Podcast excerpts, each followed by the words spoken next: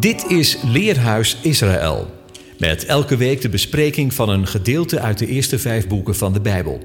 De presentator van deze week is Arnold Visser.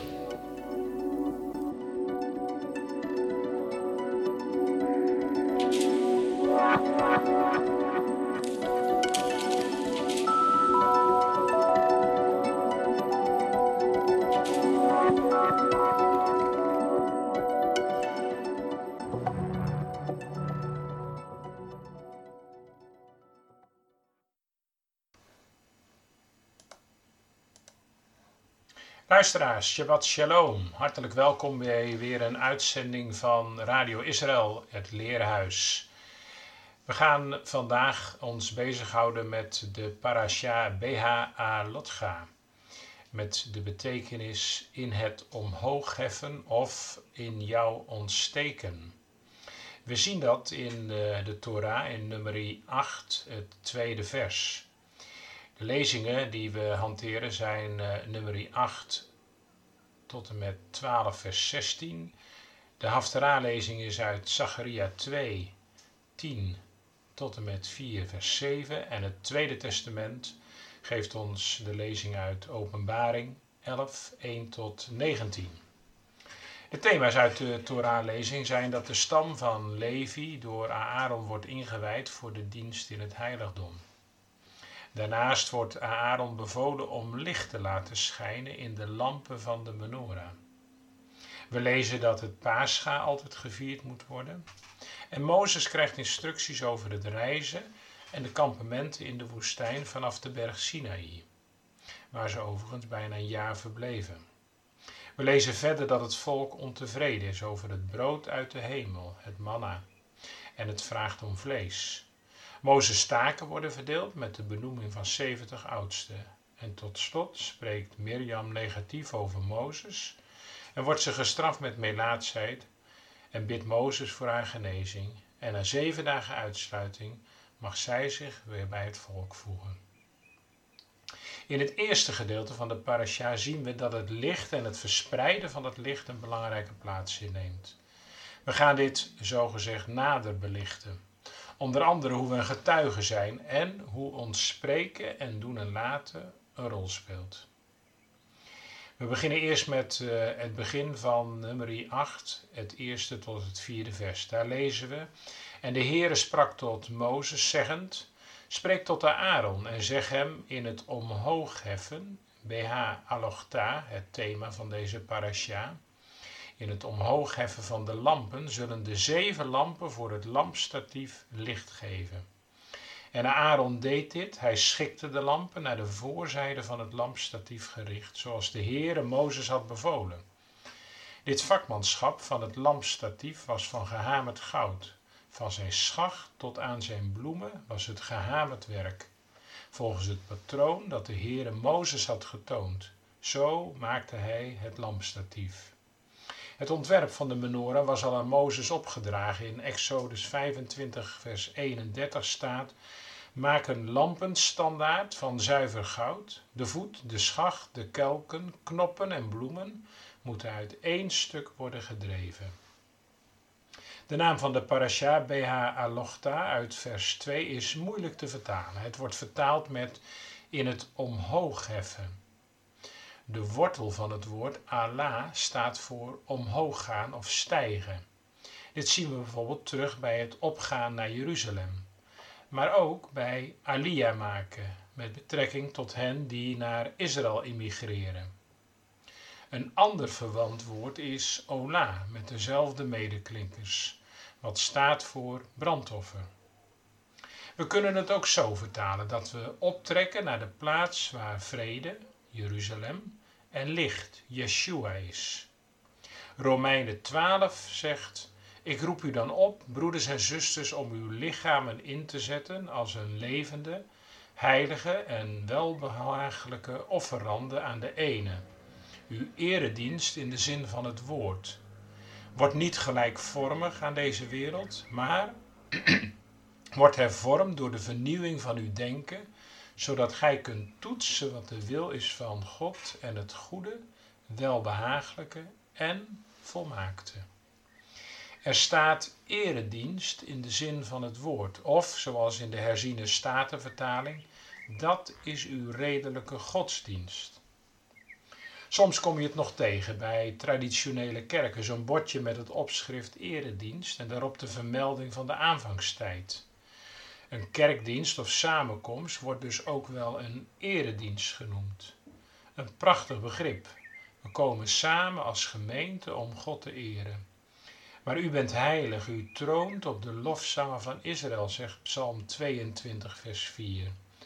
Of breng dank aan de ene, want hij is goed, want voor eeuwig is zijn vriendschap, zegt Psalm 107, vers 1.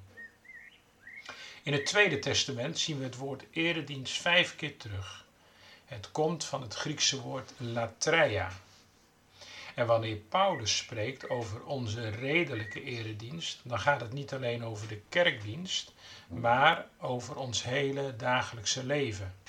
We moeten de ene niet één dag in de week eren, maar alle dagen. Het tweede punt gaat over het woord, of zoals de herziene statenvertaling aangeeft, godsdienst. In het Hebreeuws zijn woord en daad vervat in één woord, dabar.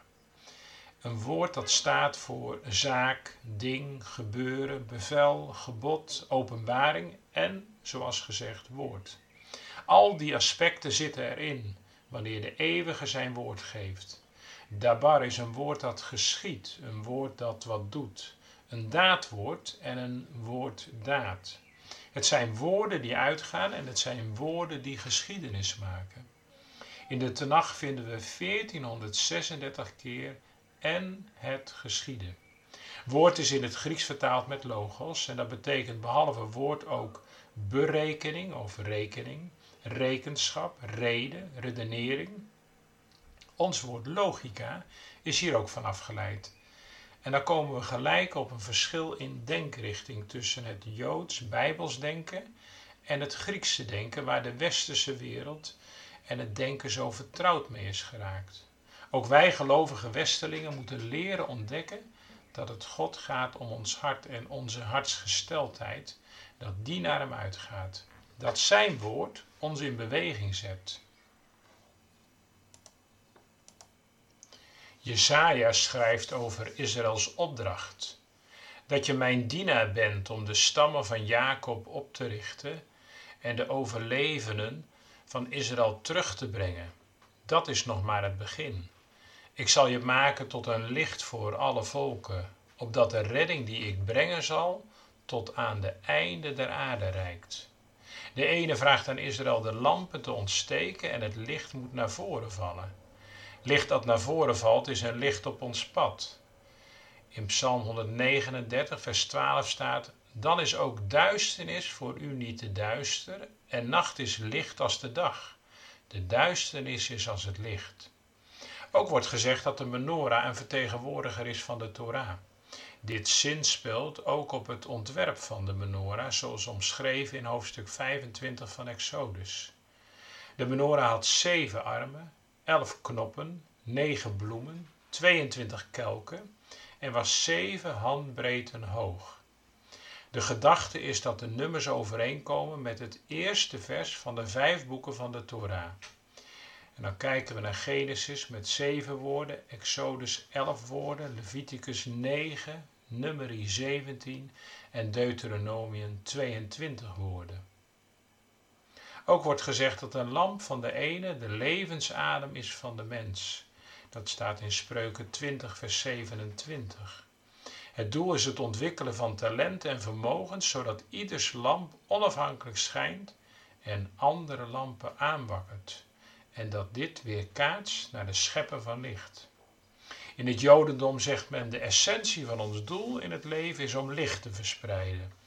Elke keer wanneer een Jood een mitzwa, de plicht uit de Torah, vervult, wordt een lamp aangestoken waarbij de wereld verlicht wordt met de wijsheid en harmonie van de Schepper.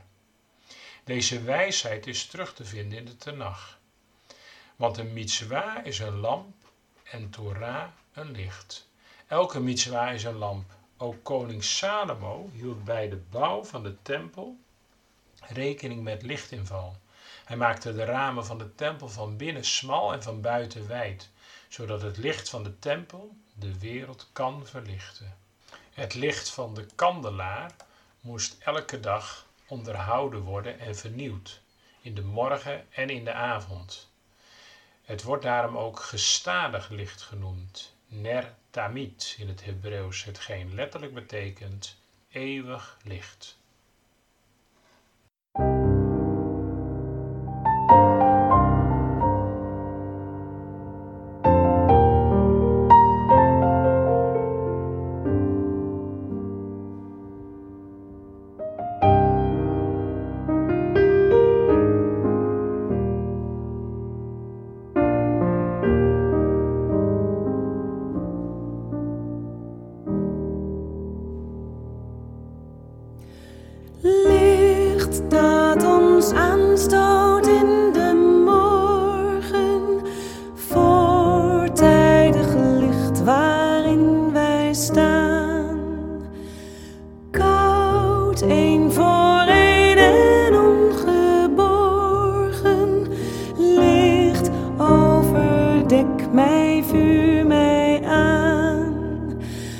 In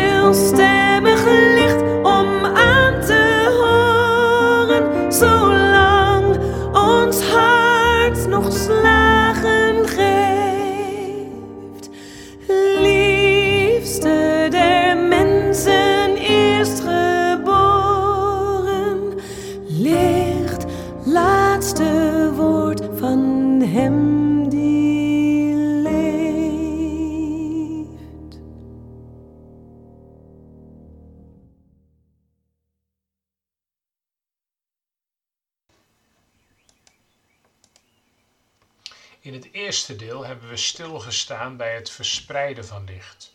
Het tegenovergestelde van licht is duisternis. Via onze woorden en daden kunnen we situaties van vrede veranderen in oorlog. Hoofdstuk 11 begint met het onophoudelijk klagen. Er staat toen nu het volk zich beklaagde, ontstemde dit Jahweh. Hij hoorde het en zijn woede werd gewekt. Zo ontbrandde het vuur van Jahweh onder hen en verteerde enkele aan de rand van het kamp. Het volk dat uit Egypte was vertrokken was een gemengde massa, een bonte verzameling van mensen die de Israëlieten vanuit Egypte volgden. We lezen, nu werd de gemengde massa die onder hen waren door een intens hunkeren bevangen.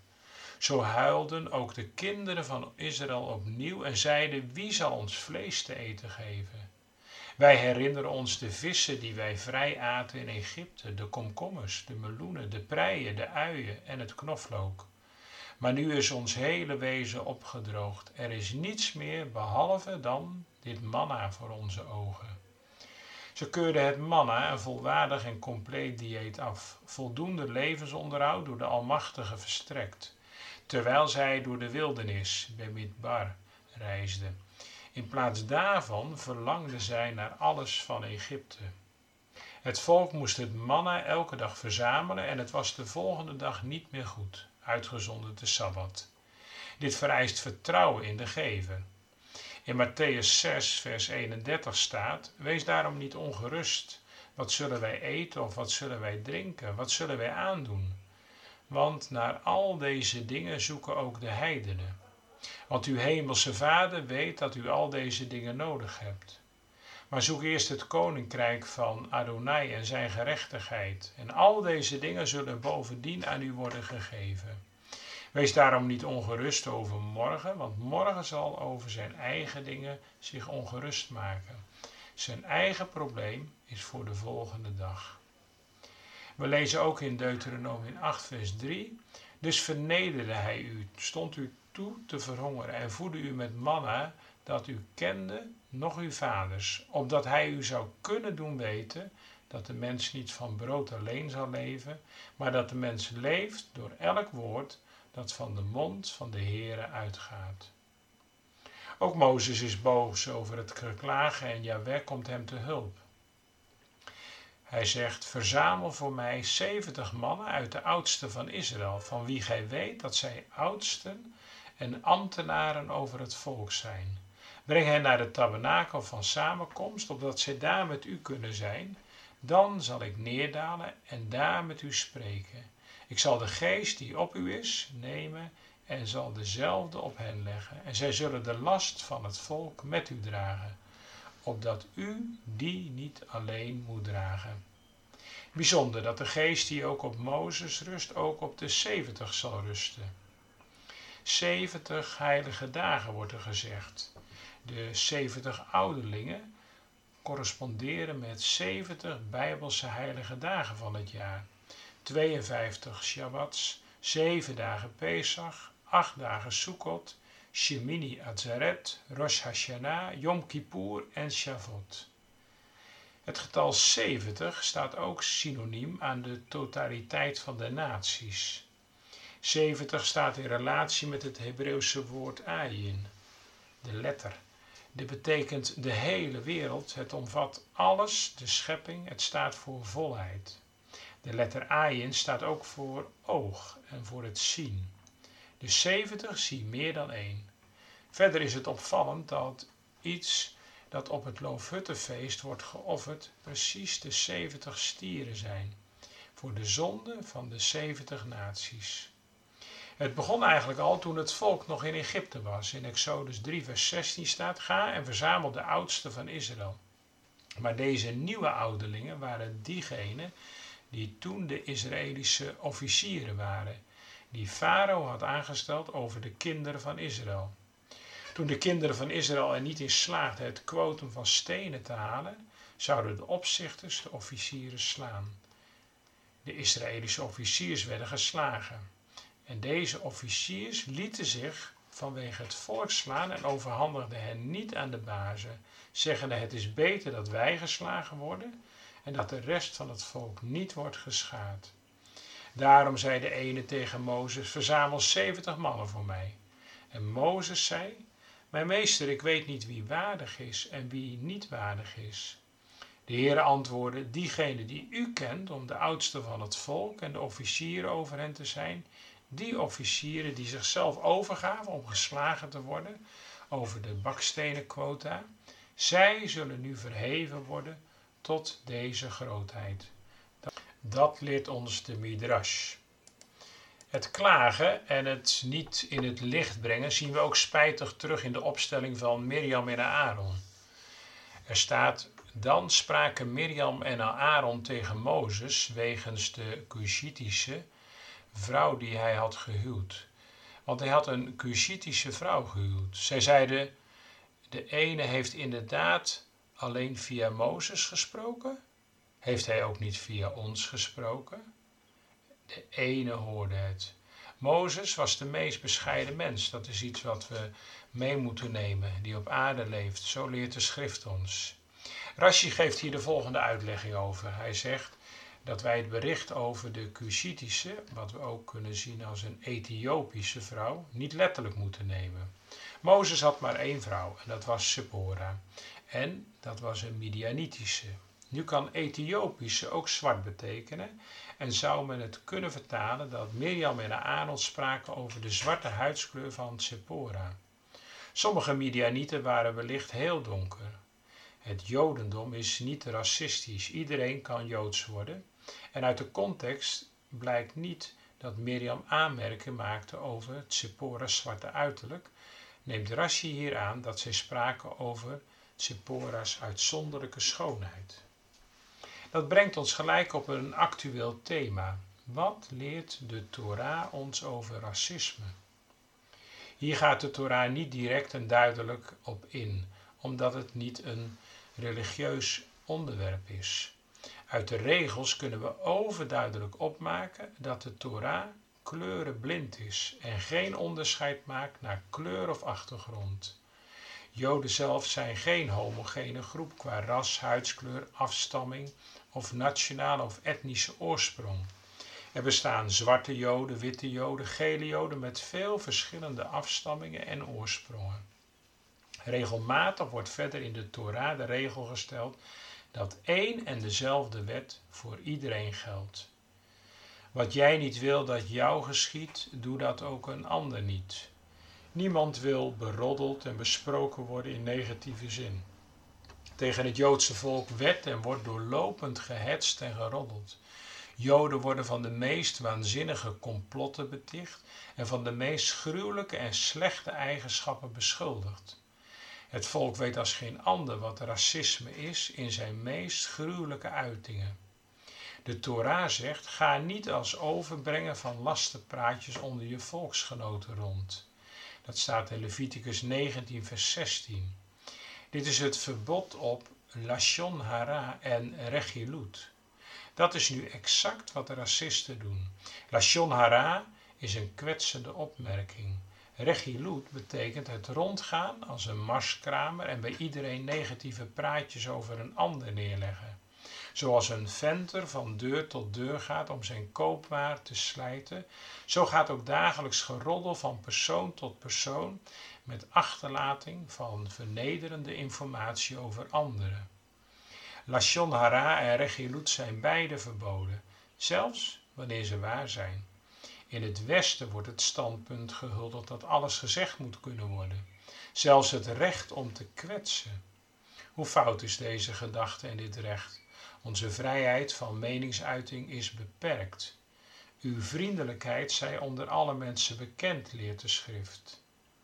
Hitler begon met zijn Endlosung, de massamoord op de Joden, door hen eerst te belasteren en te beschuldigen van alle kwaad, ze later uit te sluiten en te discrimineren, ze daarna van hun menselijke waardigheid te ontdoen, waarna het niet meer moeilijk was om gewillige moordenaars te vinden om het Joodse volk te vernietigen.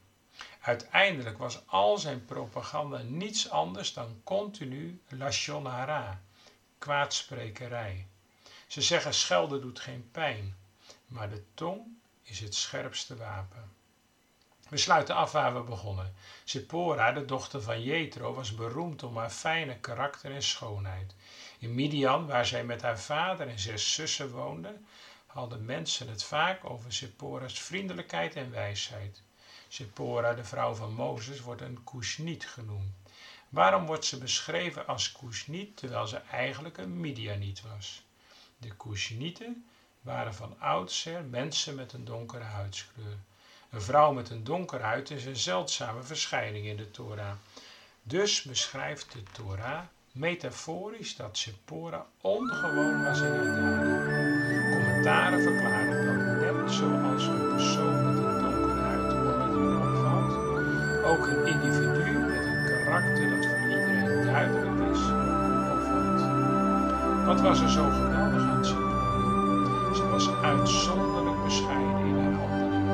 was in staat om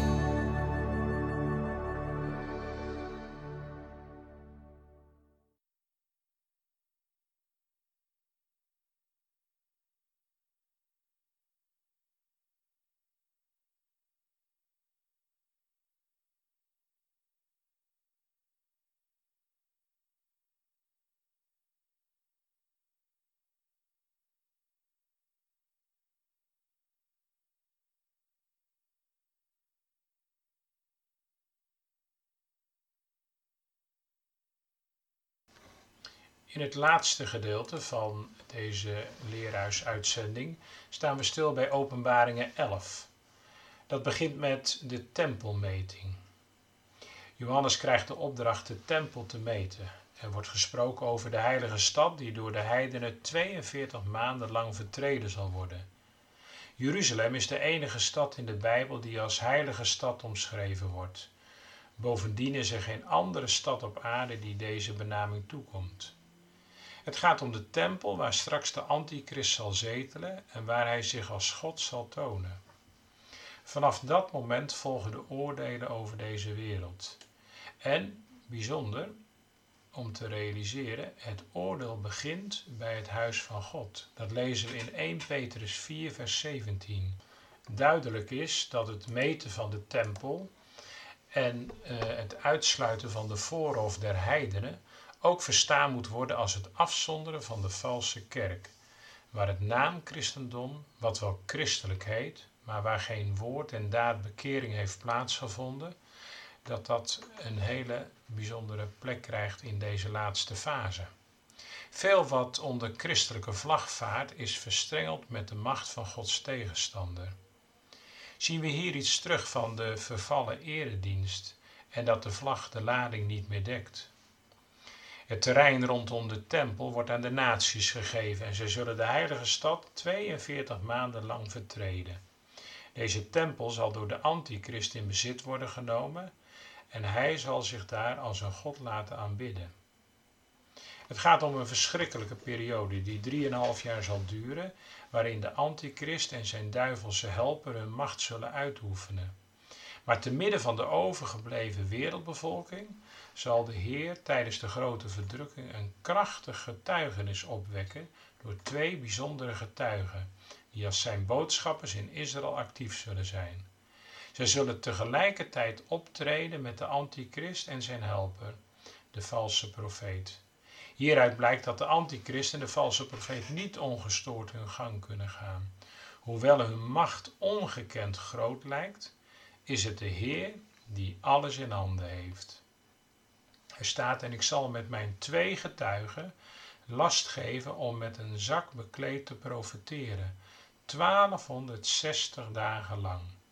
Dat omgorden met zakken is een teken van oordeel en rouw en van boete, zoals de vorst van de door de Heer genoemde stad Nineveh zich met zakken omgordde, na aanzegging door de profeet Jona van het oordeel over deze door en door verdorven stad. En zoals hij alle bewoners van die stad opdracht gaf hetzelfde te doen.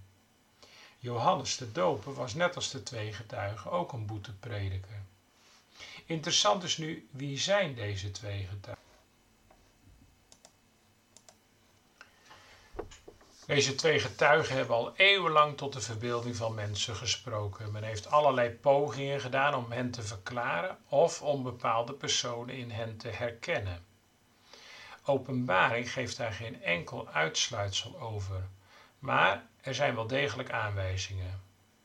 Op grond van het verhaal over de verheerlijking van Yeshua op de berg Tabor bijvoorbeeld, zou de conclusie getrokken kunnen worden dat de twee getuigen Mozes en Elia moeten zijn omdat zij als vertegenwoordigers van de wet en de profeten daar samen in heerlijkheid verschenen en met Yeshua spraken. Mozes de leider van de eerste Exodus en Elia de voorbode van de Messiaanse Exodus spraken op de berg der verheerlijking met de Heer Jezus over zijn eigen Exodus, die hij in Jeruzalem zou volbrengen. Dat Elia genoemd wordt is natuurlijk niet zo vreemd als men de overeenkomsten tussen de rol van de getuige en het karakter van Elia's bediening bekijkt. De profeet Malachi profeteert over Elia's terugkomst tijdens de jaren van de grote verdrukking en zegt over zijn komst het volgende. Zie, ik zend u de profeet Elia, voordat de grote en geduchte dag des Heren komt. Hij zal het hart der vaderen terugvoeren tot de kinderen en het hart der kinderen tot hun vaderen, opdat ik niet komen en het land treffen met de ban.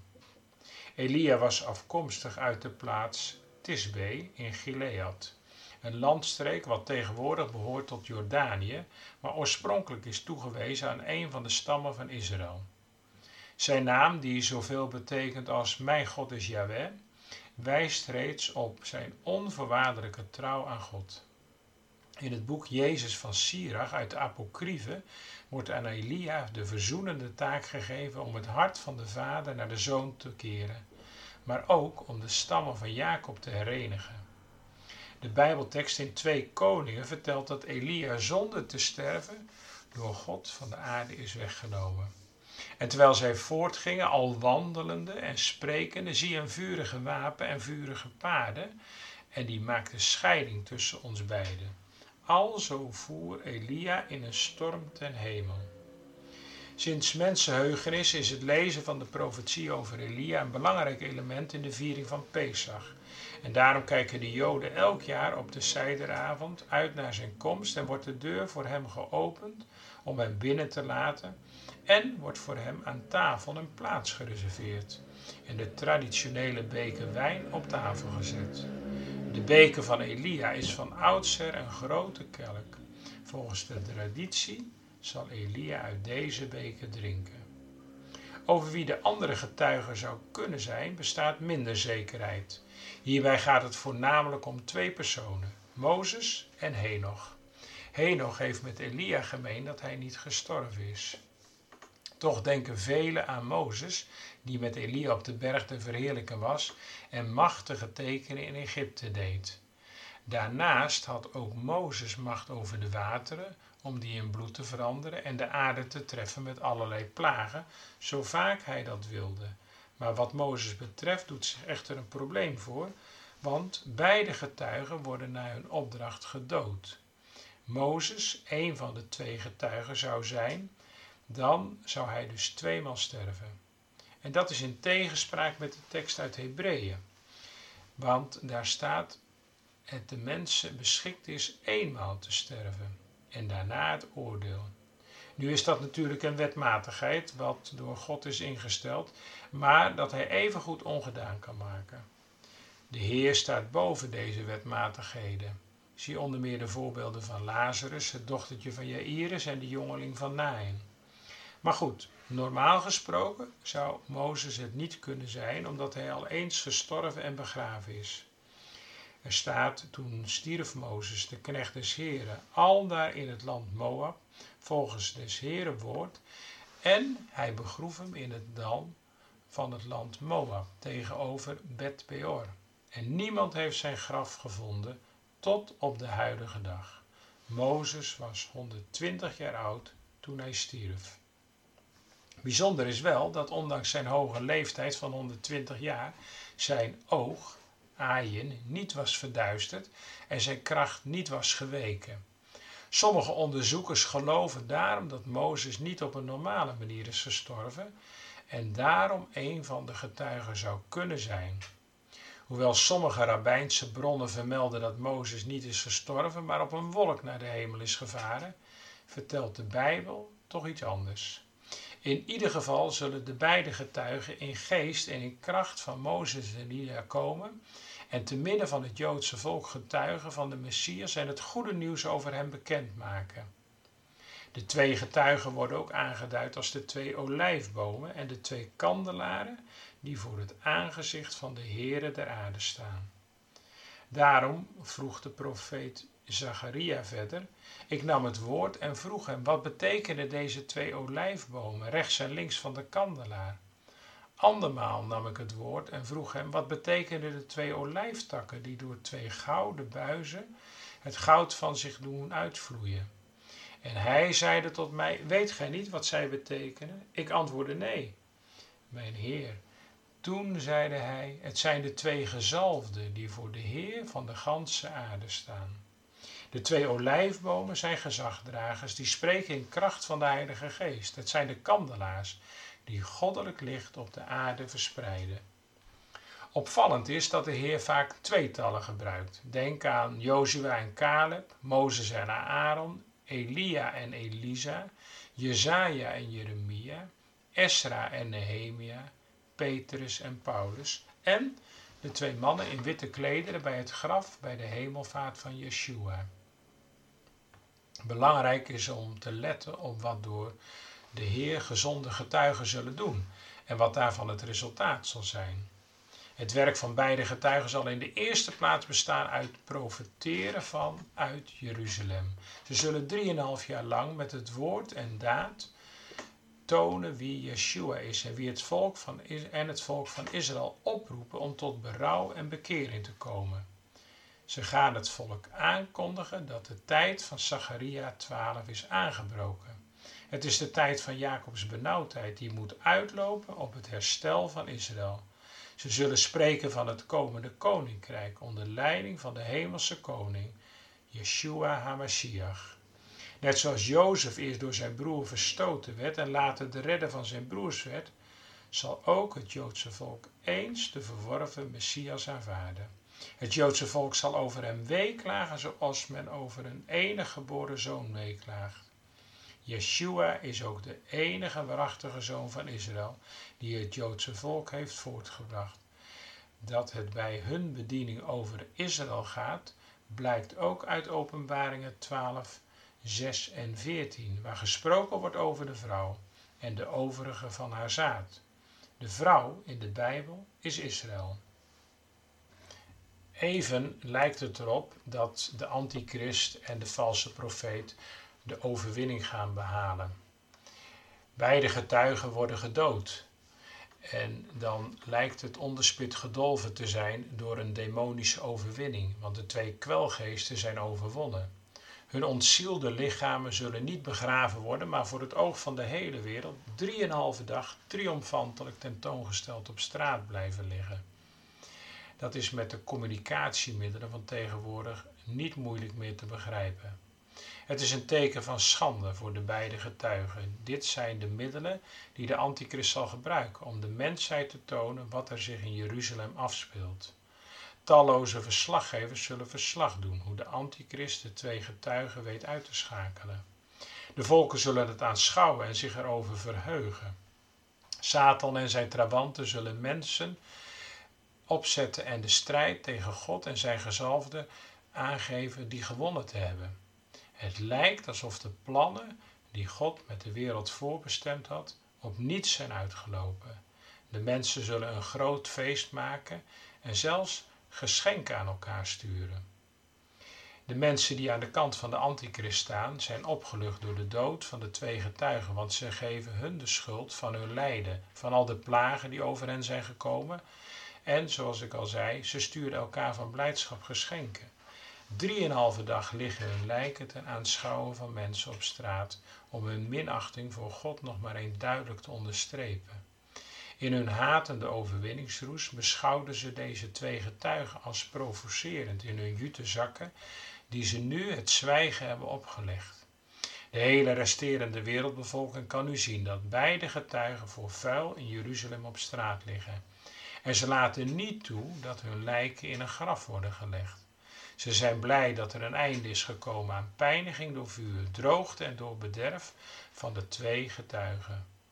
Bovendien blijkt men van mening dat wanneer men deze doden onbegraven laat liggen, voor eeuwig en altijd van de beide lastpakken verlost zullen zijn.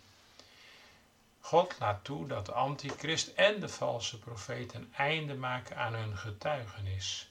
Uiteindelijk lijkt het zelfs dat de antichrist de grote overwinnaar is. Maar de eindoverwinning voor deze twee getuigen zal overweldigend zijn. Ondanks het feit dat zij op het laatst ter dood zullen worden gebracht. De veronderstelde overwinning die de beide beesten dachten behaald te hebben, blijkt niet anders dan een schijnvertoning te zijn geweest. Ze zullen nu zelf vlak voor de komst van Yeshua geoordeeld worden. Was deze gedachtegang ook niet Satans gedachte toen Yeshua stierf aan het kruis? Net zoals de hele wereld hem drieënhalve dag op straat ziet liggen, zo zal de wereld met verbijstering zien dat de twee getuigen plotseling uit de dood opstaan. Er staat en, na, na die drieënhalve dag, voer een levensgeest uit God in hen. En zij gingen op hun voeten staan, en grote vrees viel op allen die hen aanschouwden. En ze hoorden een luide stem uit de hemel tot hen zeggen: Klimt hierheen op. En zij klommen naar de hemel, op in de wolk. En hun vijanden aanschouwden hen. Gelijk aan de hemelvaart gaan ook zij hemelwaarts.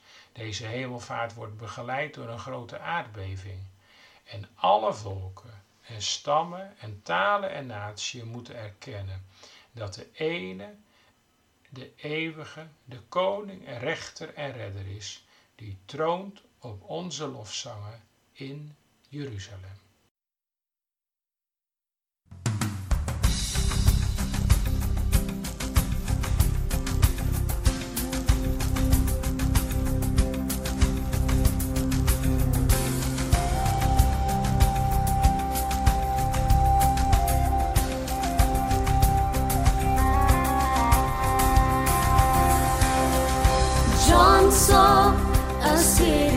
That could not be hid. John saw the city, oh yes, he did. John caught a glimpse of the golden throne. Tell me all about it. Go right on around the throne. He saw a crystal sea. There's got to be more. What will it be? I want to go the city he saw, New Jerusalem.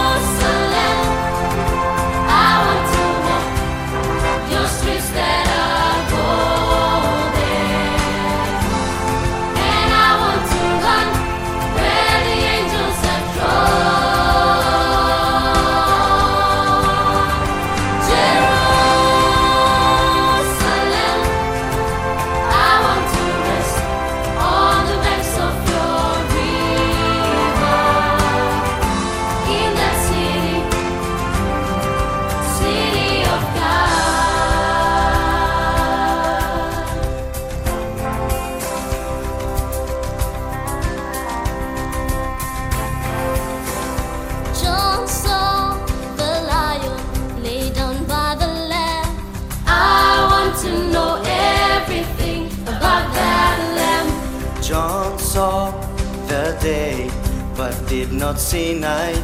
The lamb of God, well, must be the light. He saw the saints worship the great I am, crying, Worthy, worthy is the lamb. I want to go to the city he saw, New Jerusalem.